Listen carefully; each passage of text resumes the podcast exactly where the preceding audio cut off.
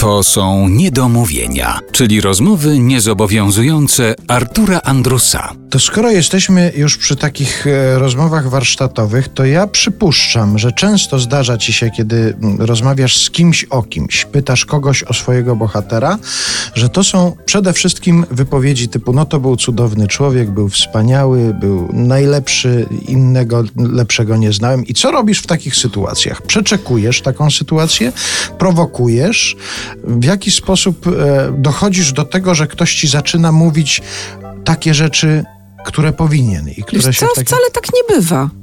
Najbardziej się tego bałam przy księdzu Twardowskim, no bo jako ksiądz to z założenia bałam się, że on po prostu był tylko pozytywną postacią.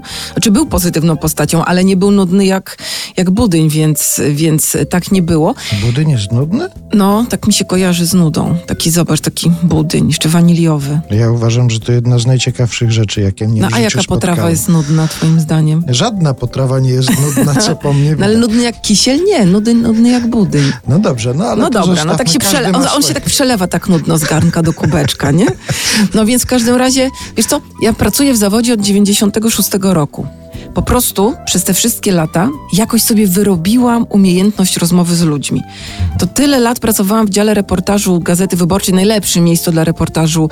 Yy, no to pracowałam jakby w niebie dla reporterów, ja tak uważam w każdym razie. I tam się wszystkiego nauczyłam, że idziesz do człowieka, że nie zadajesz od razu pytań, że szukasz z nim cech wspólnych, z każdym znajdziesz jakieś cechy wspólne.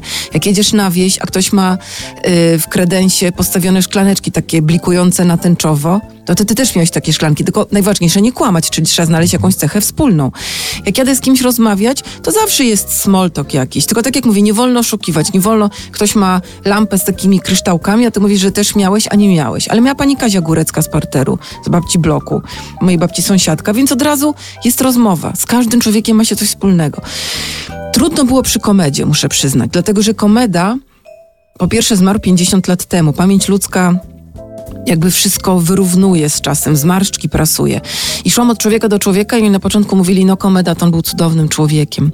I wtedy pamiętam, Michał Urbaniak powiedział, że jak Komeda grał, to tak robił. I teraz mówię, co robił, czyli kładł ręce na klawiaturze, spuszczał głowę. Ja wiem, dobra, jak nie grał, no to wtedy na to y, Michał Urbaniak położył ręce na klawiaturze i zadarł głowę do góry. Komeda głównie milczał. I to naprawdę jest trudny bohater.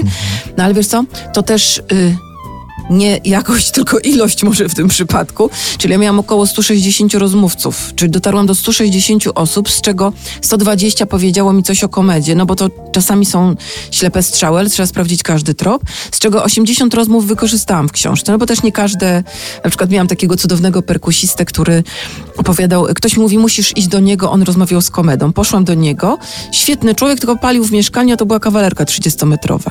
I nie otwierał okna, bo było chłodno. I y, świetnie opowiadał o swoim życiu, o graniu jazzu i pozwoliłam mu się wygadać, bo najważniejsze, żeby rozmawiać z tymi ludźmi o tych ludziach. Też ja jestem strasznie gadatliwa, jak widać.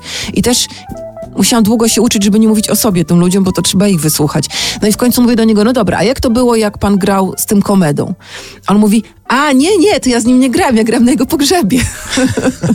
Więc takich rozmów nie wykorzystałam, chociaż czasami padały takie wątki poboczne dotyczące jazzu w ogóle. Więc komeda był trudny, bo on był dobry. On był charyzmatyczny i jednoznacznie dobry. On nie pozostawiał za sobą żadnego zła.